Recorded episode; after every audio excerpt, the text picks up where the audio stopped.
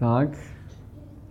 Drodzy, w związku z tym, że w sobotę w Polsce było takie święto obchodzone, potocznie nazywane Trzech Króli, być może widzieliście jakieś pochody, to Trzech Króli to pochody takie właśnie y, z przystrojonymi różnymi pielgrzymami. Tak.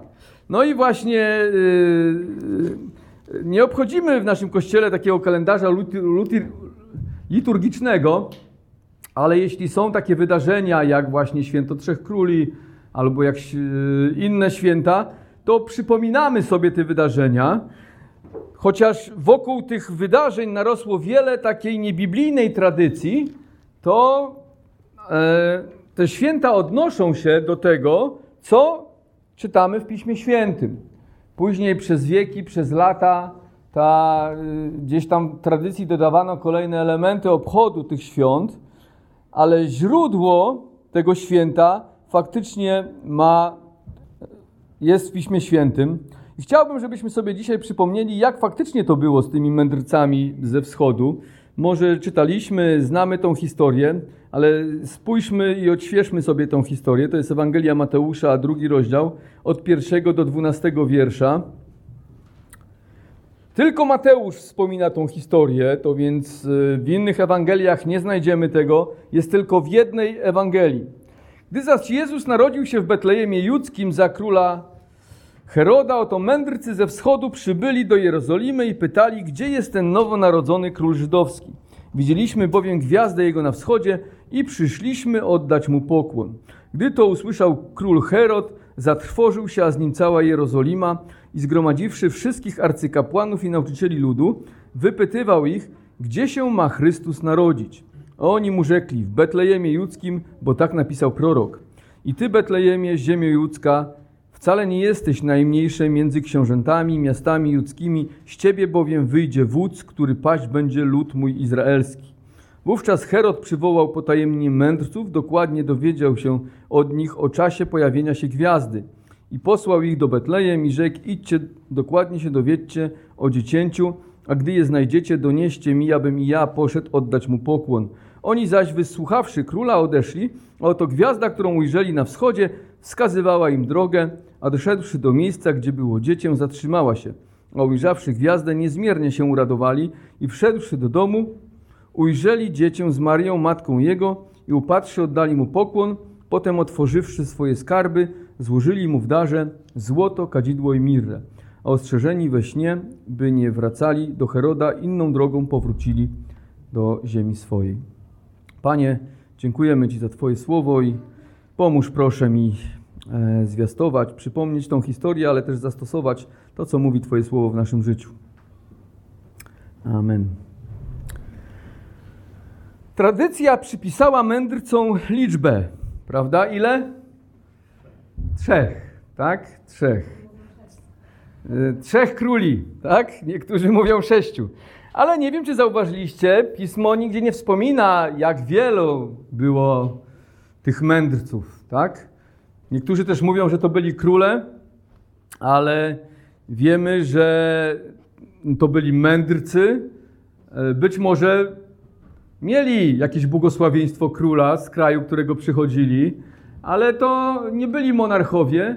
Byli to ludzie, którzy e, wpatrywali się w gwiazdy, doradzali królowi, e, czytali różne księgi, Słowo, które greckie opisuje tych ludzi, to jest magoi. To jest y, takie słowo, które dzisiaj w języku polskim, z którego w języku polskim to jest słowo magowie. Tak? No i magowie to się nam źle kojarzy, bo zaraz nam się kojarzy to z jakąś czarną magią, e, nie? Ale to słowo w tamtym okresie odnosiło się do ludzi mądrych, tak? Odnosiło się do ludzi, którzy właśnie Studiowali mądrość, studiowali właśnie różne księgi, doradzali królowi, wpatrywali się też w gwiazdy, obserwowali różne e, zjawiska. Pełnili rolę doradców na dworze i na przykład takim człowiekiem w Piśmie Świętym był Daniel. Czytamy w Starym Testamencie o takim człowieku, który został uprowadzony z Jerozolimy do Babilonu, no i na dworze króla Nebukadnesara, później na dworze Dariusza, perskiego króla, pełnił rolę właśnie takiego jakby, no wtedy powiedzieli maga, prawda?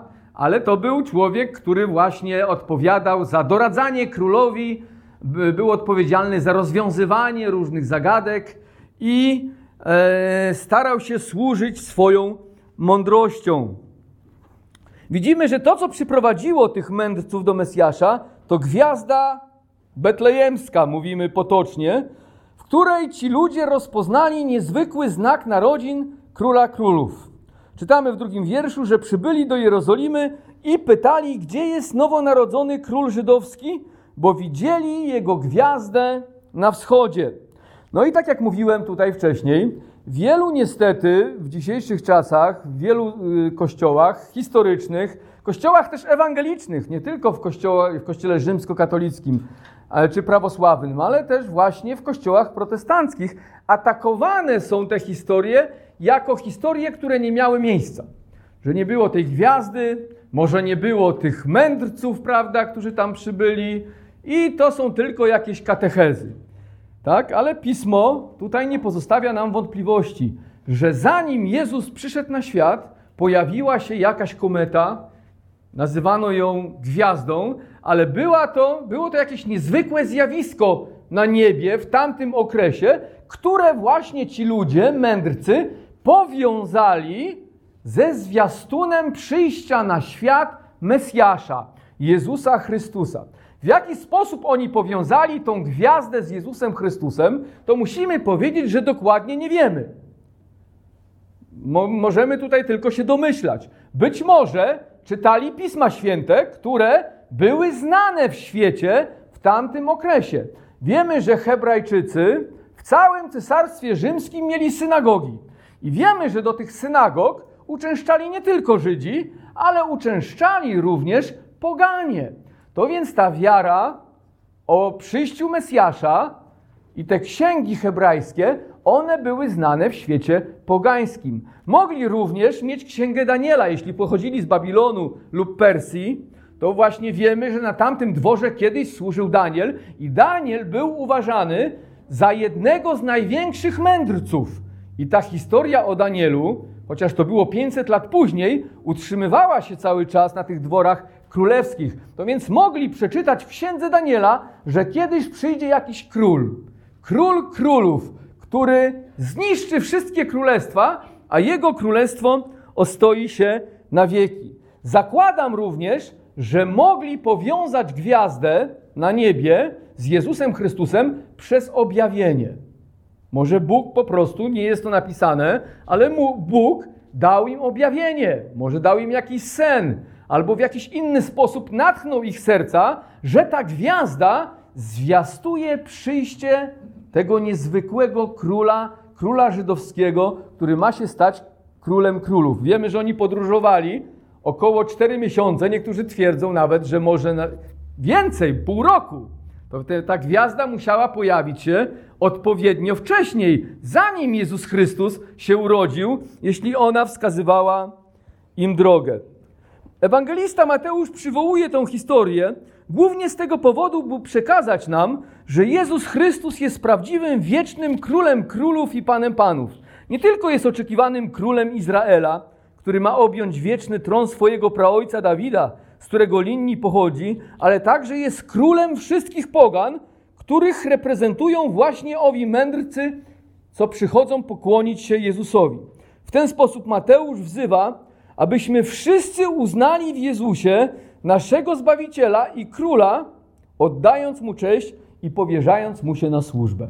Do tego właściwie ta historia, jakby tak chcąc, chcąc jednym zdaniem tą historię opisać, to Mateusz chce nas wezwać, że Jezus Chrystus jest tym królem oczekiwanym i Jego królestwo się urzeczywistni, kiedy On powróci, żebyś, żebyś każdy człowiek oddał mu się na służbę. Uwierzył w niego i zaczął mu służyć. I pierwszą rzeczą, jaką chciałem zauważyć w działaniu Boga na podstawie naszych męców, że jeśli szukamy prawdziwie Zbawiciela i chcemy go czcić, to Bóg nas poprowadzi. Bóg nas poprowadzi. Czy Bóg poprowadził mędrców do Zbawiciela? Poprowadził. Tak? Nie mieli GPS-a, Tak? Nie wiem, jak w tamtym czasie wyglądały mapy. Drogi też nie były za dobre, pewnie. Zobaczcie, taka podróż musiała się wiązać z wieloma niebezpieczeństwami, a jednak znaleźli Jezusa Chrystusa, który rodząc się, przecież nie rodził się i nie ogłaszali tego aniołowie wszystkim, tak, na całym świecie, ale tylko pasterzom. Nie napisali tego w gazetach, nie trąbiła o tym każda gazeta. No telewizji nie było, ale król też o tym nie wiedział. Tak? Zanim mędrcy nie powiedzieli Herodowi o tym, że stało się coś niezwykłego. I też ci religijni przywódcy też o tym nie wiedzieli. Czekali na Mesjasza, więc niewielu ludzi wiedziało o tym. Oni powiązali tą gwiazdę z narodzeniem Jezusa Chrystusa i kierowali się tą gwiazdą, idąc właśnie do Jerozolimy. Bóg doprowadził ich do Zbawiciela, do Jezusa Chrystusa. Jest to niezwykle pocieszające i zapraszające nas do szukania Boga, że jeśli szukamy Boga w naszym życiu, szukamy Zbawiciela, szukamy Jezusa Chrystusa, to Go znajdziemy. Bóg da się znaleźć tym, którzy chcą Go poznać. Wędrowcy, którzy przybywają pokłonić się Jezusowi, wiemy, że pochodzą z dalekiego kraju, może z Babilonu lub Persji, czyli około tysiąc kilometrów od Jerozolimy. Dzisiaj to by była niezwykła podróż. Tysiąc kilometrów. Czasami rozmawiam z bratem, on tam jeździ z Holandii i mówi, no tysiąc kilometrów, dzisiaj przyjechałem, jestem strasznie zmęczony, prawda, samochodem, pruł, ale zobaczcie wtedy, tysiąc kilometrów, a jednak ci ludzie docierają do tego nieznanego w tamtym czasie Zbawiciela. Gwiazda betlejemska, prawdopodobnie jakaś kometa, która pojawiła się w tamtym czasie, prowadziła ich. Bóg dał im niezwykły znak, żeby nie zgubili drogi i żeby znaleźli Jezusa Chrystusa. Zobaczcie, że w dwunastym wierszu też Pan ostrzegał ich we śnie, działał w tych ludziach, e, a ostrzeżeni we śnie, by nie wracać, by nie wracali do Heroda, inną drogą powrócili do ziemi swojej. To więc Bóg też kierował ich serca i kierował ich drogę w taki sposób, żeby do Chrystusa dotarli. Niezależnie z jakich powodów udali się do Jerozolimy, są wspaniałym przykładem tego, że Bóg poprowadzi do Chrystusa osoby, które szczerze Go szukają. Zobaczmy, że Pan używa różnych narzędzi, by mędrcy mogli spotkać się z Jezusem i oddać Mu pokłon.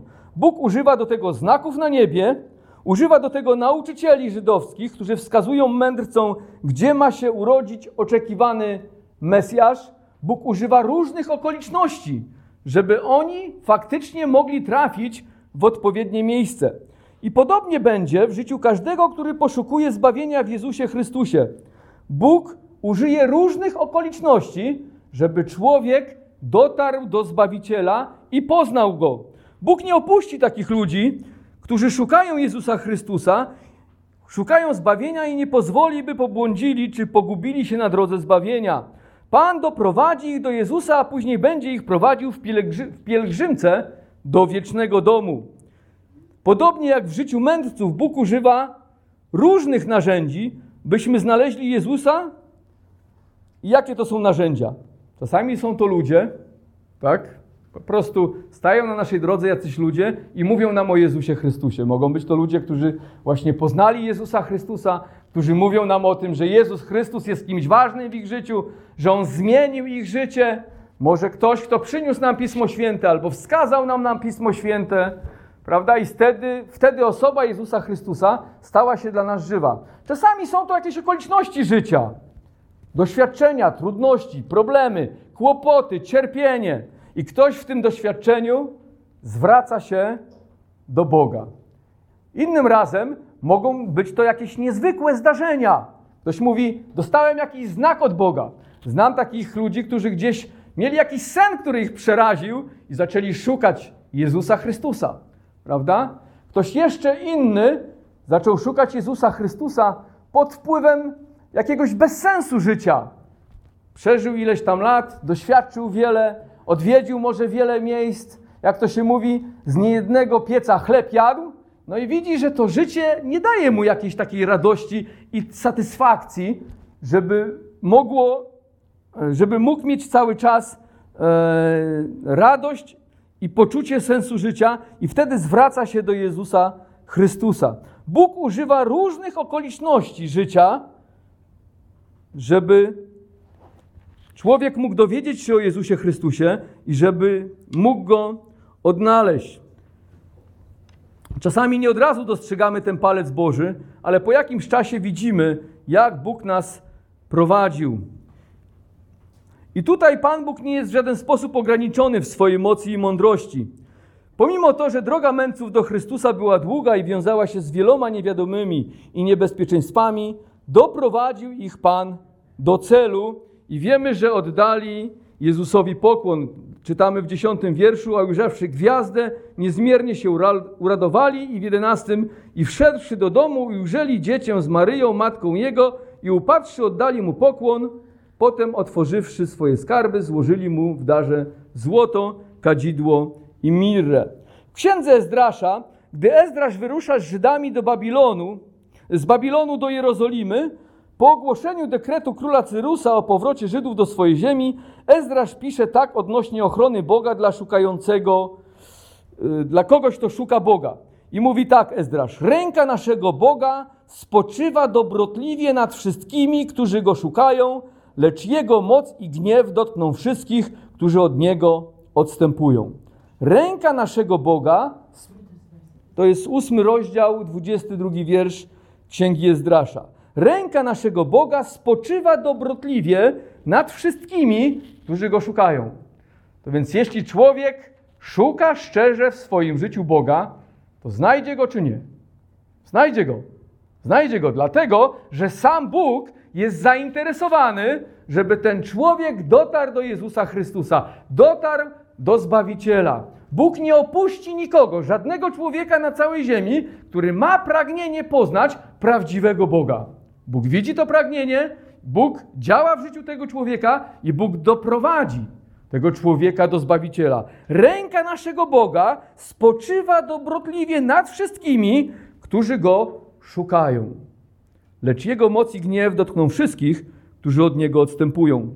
W innym fragmencie z Księgi Kronik jest napisane, gdyż Pan wodzi oczyma swymi po całej ziemi, aby wzmacniać tych, którzy szczerym sercem są przy Nim. Druga Księga Kronik, 16 rozdział, 9 wiersz. Zobaczcie, Bóg rozgląda się po całej ziemi i patrzy, kto Jego szuka. Prawda? Kto pragnie Go znaleźć, kto szuka Zbawiciela. I wtedy, gdy są ludzie, którzy szukają, którzy pragną Boga, wtedy Bóg robi jakieś niezwykłe rzeczy, może i zwykłe rzeczy. Może czasami nie widzimy, że są niezwykłe, ale Bóg tak układa okoliczności życia tego człowieka, że ten człowiek dotrze do Zbawiciela. Pomoc Boga jest dla wszystkich, którzy go szukają. Ale nie jest to duża grupa. Niewielu szuka Boga i chce znaleźć Jezusa. Zazwyczaj ludzie zajmują się tym, co tutaj, tak? Tym, co można zjeść, wypić, gdzie pracować, jak się rozerwać. Więc nie, nie jest bardzo dużo ludzi, którzy szukają Jezusa Chrystusa. Ale ci, którzy go szukają, otrzymają pomoc Boga. Jezusa nie przyszły przywitać tłumy, zaledwie kilka lub kilkadziesiąt osób. Z pogan przyszło kilku mędrców, a z Bożego ludu pasterze. Jeśli jednak jakikolwiek człowiek na całej ziemi ma pragnienie uczcić Boga, znaleźć i poznać prawdziwego Zbawiciela, to czytamy, że Pan to widzi i będzie tak prowadził człowieka, że on dotrze w końcu do zbawienia. Być może zwiastujemy ludziom Ewangelię. Oni czasami szukają, czasami nie szukają, może zwiastujemy naszym bliskim i martwimy się. Jak to będzie? Jak ja tutaj czegoś nie zrobię, to ten człowiek nie znajdzie. Oczywiście my mamy zwiastować ludziom Ewangelię, mamy troszczyć się o ludzi i modlić się o nich, aby poznali Jezusa Chrystusa, ale zobaczcie, że możliwość znalezienia Zbawiciela to tak naprawdę zależy od Boga. To Bóg czuwa nad tym. Odpowiedzialność w pełni jest po stronie Pana Boga, tak? My mamy tę odpowiedzialność, że mamy być posłuszni Bogu i mamy głosić o Jezusie Chrystusie, ale to Bóg pociąga i ostatecznie doprowadzi ludzi do Zbawiciela. Pan Jezus powiedział w Ewangelii Jana, że nie odrzuci tych, którzy przychodzą do Niego po przebaczenie i życie wieczne. Mędrcy ze wschodu uczą nas, że jeśli szukamy szczerze Jezusa, to Go znajdziemy. Niezależnie od tego, jakie by były przeszkody na drodze do Chrystusa, jak daleko ktoś miałby do Boga jak mocno byłby pogrążony w swoich grzechach, to znajdzie Boga, bo Pan poprowadzi takiego człowieka i usunie wszystkie przeszkody. W tygodniu napisał do mnie pewien młody chłopak, który mówi, że rodzice zabraniają mu przychodzić na nabożeństwa do kościoła chrześcijan baptystów i zabraniają mu słuchać Słowa Bożego. Jest niepełnoletni, prawda, ma tam kilkanaście lat. Nie wiem w jaki sposób trafił dokładnie na Ewangelię, pewnie przez kogoś, czy tam przez internet. No i chciał chodzić tutaj do nas do zboru.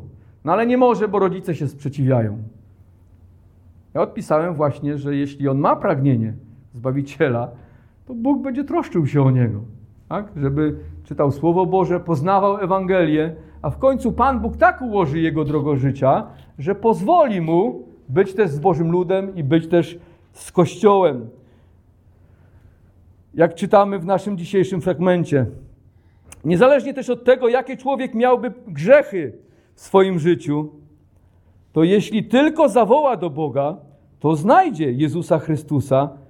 Pan poprowadzi go i oczyści z wszelkiej nieprawo, nie, nieprawości. To, co jest po naszej stronie, to mamy szukać Boga, wyruszyć w drogę iść w Jego stronę, a Bóg wyjdzie nam naprzeciw. Jeśli pojawia się to pragnienie, jak pojawiło się to pragnienie w mędrcach, nie wiemy w jakich okolicznościach to pragnienie się pojawiło. Czy właśnie przez Pismo Święte, czy to przez jakieś objawienie, ale wiemy, że to pragnienie w ich sercach pojawiło się, aby poszli i przywitali tego nowego króla. To czytamy tutaj, że odpowiedzialnością po naszej stronie jest nie zakopać tego pragnienia, nie zagłuszyć tego pragnienia, ale faktycznie szukać Pana Boga. Tak? Jeśli Pan Bóg daje ci pragnienie, tak? Nawet jeśli nie daje ci pragnienia, to Pan Bóg wzywa, żeby go szukać. Tak? I w końcu go znajdziesz. Czy nie jest czy ta historia o synu marnotrawnym nie uczy nas podobnych rzeczy? Czytamy w Ewangelii Łukasza, że gdy syn marnotrawny jeszcze był daleko, to ujrzał go ojciec jego i wyszedł mu naprzeciw. Zobaczcie, gdy on jeszcze był daleko, to Bóg widział, prawda? I już wyszedł mu naprzeciw. Ja rozumiem, że ułatwił mu tą drogę powrotu do swojego ojca. Pan widzi pragnienie naszych serc. Widzi, czy chcemy go szukać i czy czynimy to szczerze. A gdy czynimy to szczerze, czynimy to, do czego nas wzywa, wtedy prostuje nasze drogi. Pytanie, czy szukasz Boga? Bo Bóg mówi: Szukajcie mnie, a żyć będziecie. Księga Amosa. Bóg mówi: Szukajcie mnie, a żyć będziecie. Bóg wzywa każdego człowieka. Zwróćmy uwagę na to, że mędrcy się nie zniechęcili i byli gotowi ponieść pewne koszty, które były związane z dotarciem do Zbawiciela. Ale Bóg błogosławi wysiłek włożony w szukanie Go. Tak naprawdę żaden ludzki wysiłek nie jest zbyt kosztowny, by poznać Jezusa, bo wiele więcej otrzymujemy, gdy do Niego się zbliżamy, niż tracimy. Jeśli coś tracimy, to tylko i tak to, co kiedyś na zawsze stracimy. Jeśli zbliżając się do Jezusa tracimy siły i czas, szukając Boga, to przecież i tak kiedyś nasze siły opadną, a czasu nam zabraknie. Ile mamy czasu? Ile mamy sił? 70 lat? 80? Może ktoś ma 90?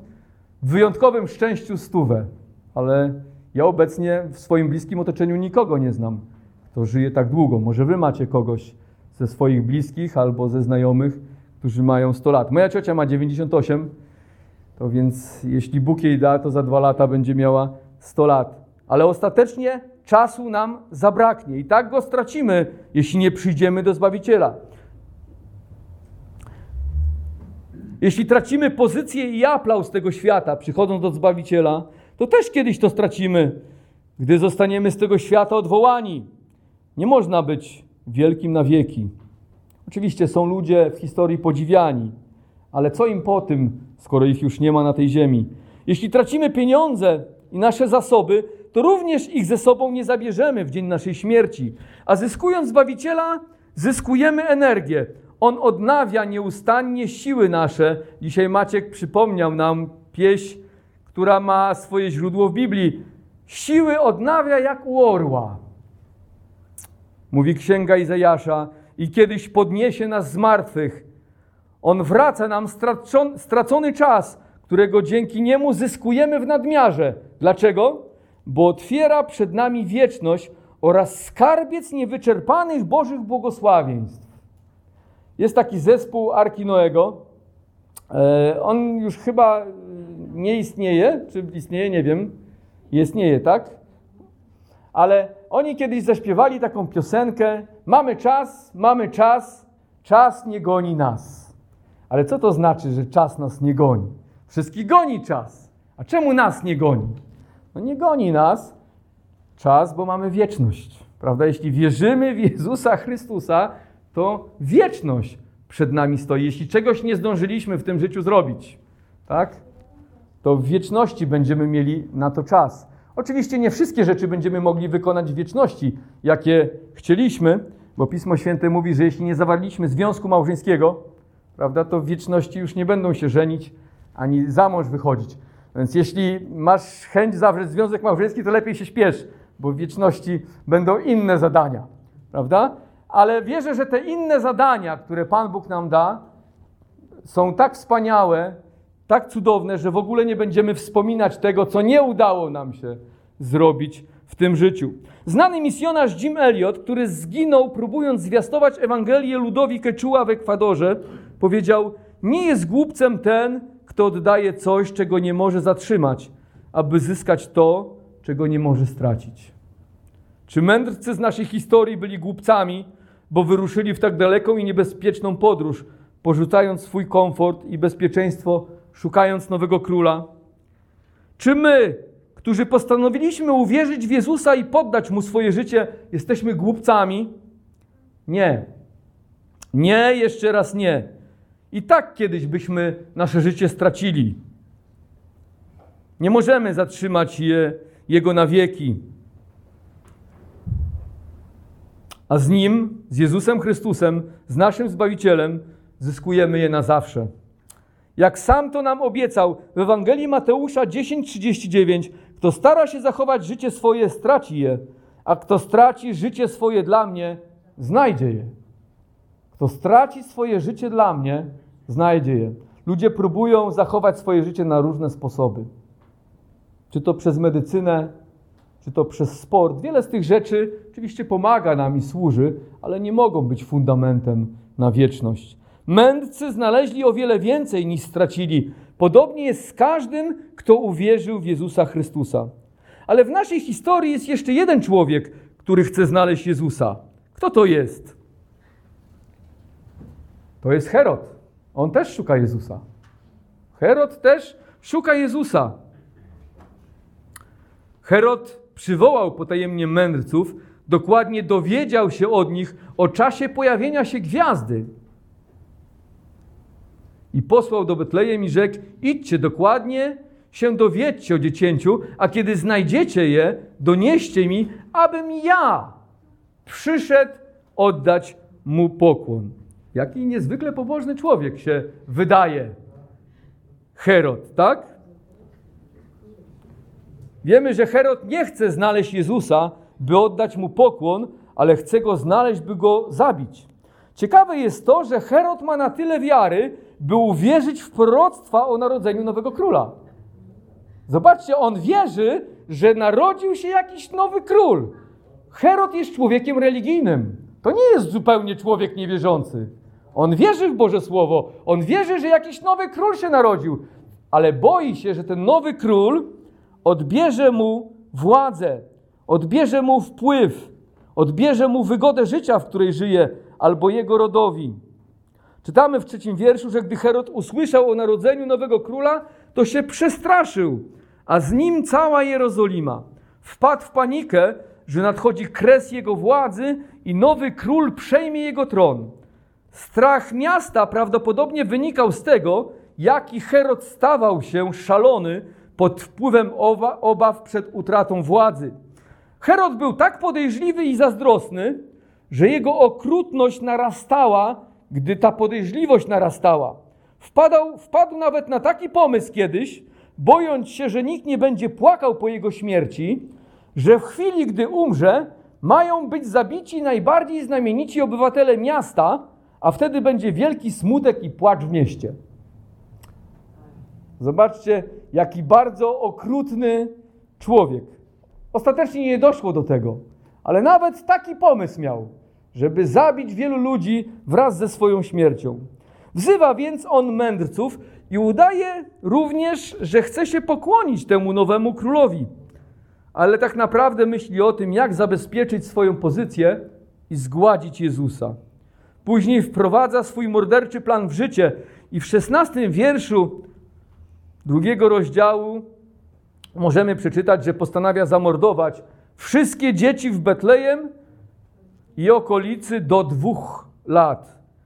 Ale wiemy, że Jezusa nie udaje mu się zgładzić, bo Bóg chroni swojego syna i Józef z Marią udają się do Egiptu.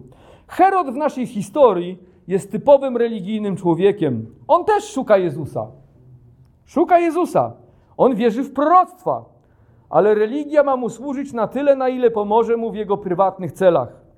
W rzeczywistości Herod nienawidzi Mesjasza, co widzimy w dalszych jego działaniach. I podobnie jest ze wszystkimi religijnymi ludźmi. Tak naprawdę nienawidzą oni Zbawiciela, bo Jezus chce odebrać im ich religię, rytuały i ceremonie, coś, z czego są dumni. Chodzi o to, że ludzie religijni jak Herod nie chcą przyznać się do swoich grzechów i nie chcą przyznać się do tego, że potrzebują łaski od Boga. Nie chcą zdać się w swoim zbawieniu jedynie na Boże miłosierdzie i błagać o przebaczenie, bo nie wierzą, że są duchowymi bankrutami. A tak mówi o nas Ewangelia, że każdy człowiek, niezależnie od tego, jaki by był i kim by był i jaką pozycję miałby w świecie, przed Bogiem jest duchowym bankrutem. Ludzie religijni uważają, że ich religia jest tak samo dobra, jak to, co Bóg zrobił i że uratuje ich w wieczności.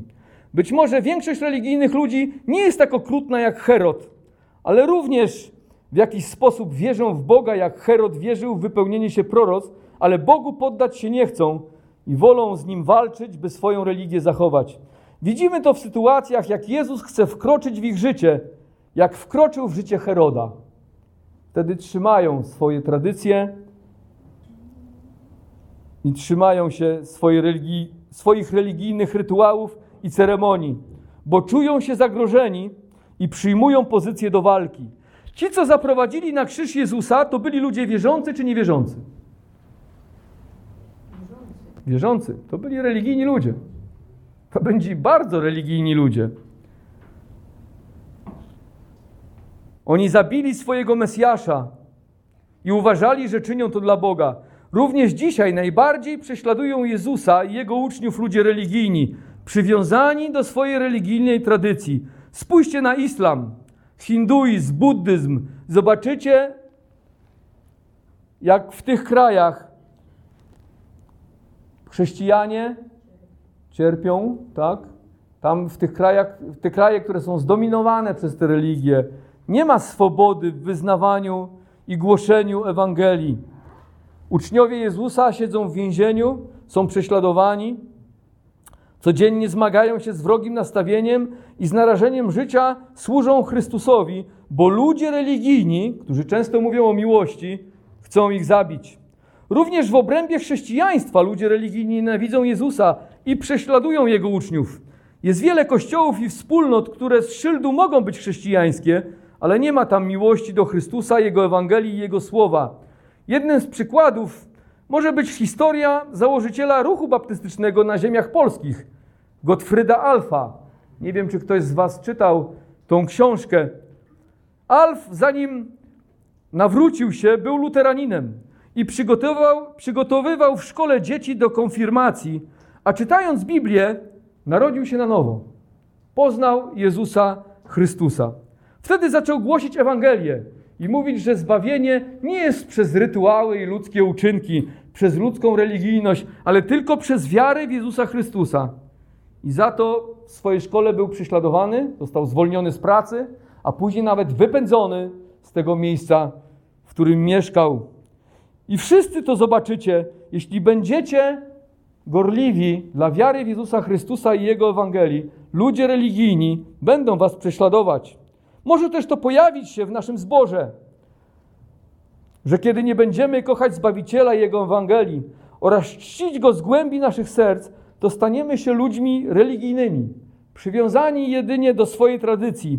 Ale religia nie prowadzi nas do zbawienia, tylko do wojny z Bogiem, jak w przypadku Heroda. Diabeł nie ma nic przeciwko religii. Sam jest twórcą tych religii i wymyślił jej tysiące rodzajów. Ile religii jest dzisiaj na świecie? Nie ma nic przeciwko chrześcijaństwu pod warunkiem, że jest skostniałe i porzuciło autorytet Słowa Bożego. To, czego diabeł nie chce, to żywej i szczerej miłości do Chrystusa oraz posłuszeństwa Ewangelii. I ostatnia rzecz, której możemy się nauczyć na podstawie dzisiejszej historii, to nie tylko, że Bóg doprowadza do Jezusa tych, którzy Go szukają, ale że osoby, które prawdziwie się nawracają, czczą Jezusa. Widzimy, że mędrcy, gdy przybyli do domu, gdzie przybywała Maria z Józefem, to oddali pokłon Jezusowi i ofiarowali swoje dary. A wszedłszy do domu, ujrzeli dziecię z Marią, matką jego, i upadłszy, upadłszy, oddali mu pokłon, potem otworzywszy swoje skarby, złożyli mu w darze złoto, kadzidło i mirrę. Być może ktoś się zastanawia, czemu Mateusz mówi o domu, skoro Pan Jezus urodził się w stajni. Prawdopodobnie, gdy przybyli mędrcy, Maria z Józefem już przebywali w jakimś wynajętym mieszkaniu. Troszkę tak mamy taki obraz e, wynikający z jakiejś tradycji albo z obrazków, że oni są w, tym, w tej stajni i tam mędrcy wchodzą i się kłaniają. Maria z Józefem w tej stajni byli może jeden dzień, prawda, może kilka godzin. Później po prostu oni wynajęli jakieś mieszkanie, wynajęli jakiś dom i przez jakiś czas, prawdopodobnie do oczyszczenia Marii, bo wiemy, że 40 dni później poszli do świątyni, do Jerozolimy na oczyszczenie. To więc nie wiemy, czy wynajęli to mieszkanie w Betlejem, czy wynajęli w Jerozolimie, bo Jerozolima przecież od Betlejem była oddalona tylko 7 kilometrów. To więc przez jakiś czas oni po prostu byli w wynajętym mieszkaniu. Zresztą później zobaczcie, że jak Herod próbował zabić Jezusa, to oni uciekli do Egiptu. To więc prawdopodobnie gdzieś w Betlejem albo w okolicach wynajęli mieszkanie i przez kilka tygodni, jeszcze czekając na pójście do świątyni, na oczyszczenie, które było wymagane przez prawo i złożenie ofiary, oni właśnie w tym mieszkaniu mieszkali i tam przybyli mędrcy i nad tym domem zatrzymała się gwiazda. I gdy weszli do domu, pokłonili się Jezusowi. Przypomnę, chociaż mam nadzieję, że widzimy to, nie pokłonili się Marii i Józefowi. Jest powiedziane, że pokłonili się Jezusowi. Tak? Dodaję to, dlatego że w naszym polskim kontekście to wcale nie jest takie oczywiste. Jezusowi oddali pokłon. Jedynie On był osobą, która była godna czci. Oni rozumieli przez wiarę w Słowo Boże i ufając niezwykłym znakom, jakie dał im Bóg, że mają do czynienia z wyjątkowym dzieckiem. Z dzieckiem, które jest królem żydowskim, ale także królem wszystkich narodów. I dokładnie tak się stanie, gdy Pan Jezus powróci z nieba. Wtedy czytamy w Ewangelii Mateusza w 25 rozdziale, że zasiądzie na tronie swojej chwały i będą zebrane przed Nim wszystkie narody, a On będzie je sądził i nimi rządził. Dzisiaj być może nie widzimy, że Jezus jest królem, ale kiedy powróci, będzie królem nad wszystkimi narodami. Wiemy, że Ewangelia mówi, że wtedy nastąpi zmartwychwstanie, prawda? I tysiącletnie królestwo Chrystusa. Mędrcy dają nam wspaniały przykład, że osoby, które prawdziwie się nawracają, oddają cześć Bogu przez imię Jezusa Chrystusa. Czy wiesz, że zostaliśmy między innymi zbawieni po to, by oddawać Bogu cześć, wielbić Go i wysławiać za to, jaki jest i kim jest? Oddawanie Bogu czci to jest nasz przywilej, a jednocześnie obowiązek. Czy oddajemy Bogu cześć, czcimy Go?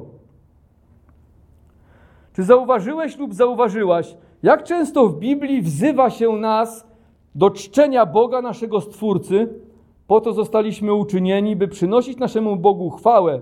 Istniejemy dla Niego i przez Niego. Jak się kończy ostatni psalm? Psalm 150. Możemy przeczytać ten psalm? On jest krótki. Ostatni psalm w Biblii.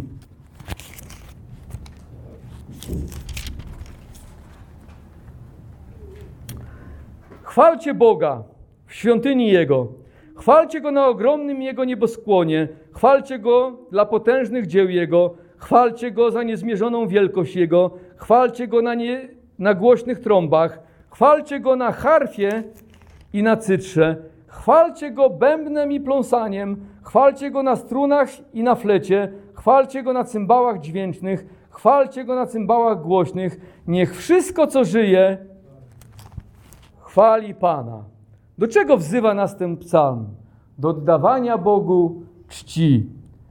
A teraz jeszcze spójrzmy chwilę na Księgę Objawienia. Gdy apostoł Jan widzi w niebie niezliczoną ilość aniołów, to mówi tak.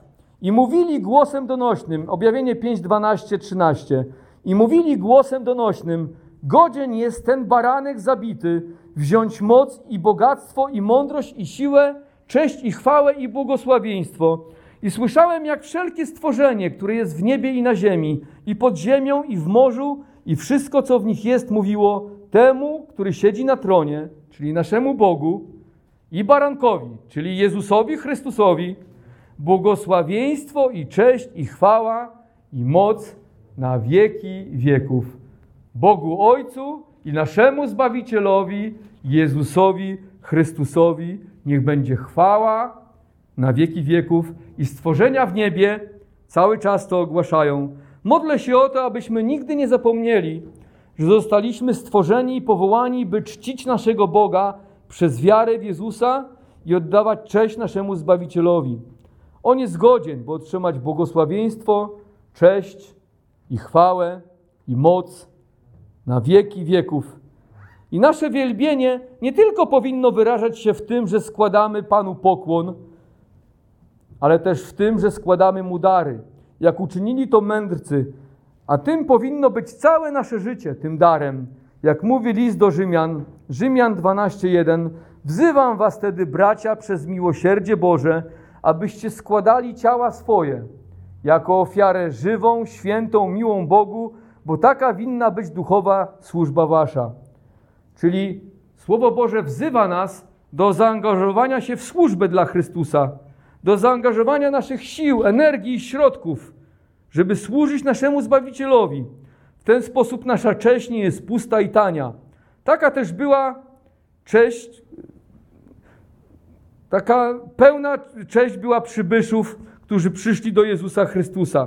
Zobaczcie, że nie dość, że zadali sobie sporo trudu, by przybyć do Jezusa, to dali mu całkiem niezłe prezenty. Godne króla. Co mu dali? Złoto, kadzidło i mirrę. No złoto to wiadomo o co chodzi. Prawda? Wciąż cenna rzecz i z pewnością Marii Józefowi przydało się, szczególnie, że czekały ich wydatki, bo musieli uciekać do Egiptu. Wszystko kosztowało, tak jak i w dzisiejszych czasach. Cokolwiek chcesz kupić, musisz zapłacić pieniędzmi. Następnie czytamy, że dali kadzidło. Była to żywica pozyskiwana z odpowiednich krzewów i drzew. Używano jej jako perfum lub kadzidła przy obrzędach religijnych i pogrzebowych. Uważana była też za towar luksusowy. To nie było coś takiego zwykłego. Na pewno mogli to sprzedać, a może sami używali tego, ale jeśli chcieliby to sprzedać, mogli uzyskać za to dużo pieniędzy. Niektórzy bibliści twierdzą, że mogła wskazywać na człowieczeństwo Jezusa. I mirra, żywica z balsamowców, wykonywano z tego maść i olejki, które używano leczniczo i też jako perfumy. Na przykład w księdze Estery czytamy, że Estera, gdy przygotowywała się na spotkanie z perskim królem Ahasferoszem, ważne spotkanie, to natarła się mirrą. Prawda? Czyli wtedy no, był ładny zapach. Również uważano mirrę w starożytności za wyjątkowy towar. Balsamowano nią także ciała na pogrzeb, co może wskazywać na śmierć Jezusa. A jak wygląda moja, Twoja cześć dla Boga? Czy coś Ciebie kosztuje? Czy Twoje dary, które składasz Jezusowi, są godne króla? Starajmy się, aby takie były, a Pan je przyjmie i pobłogosławi. Amen.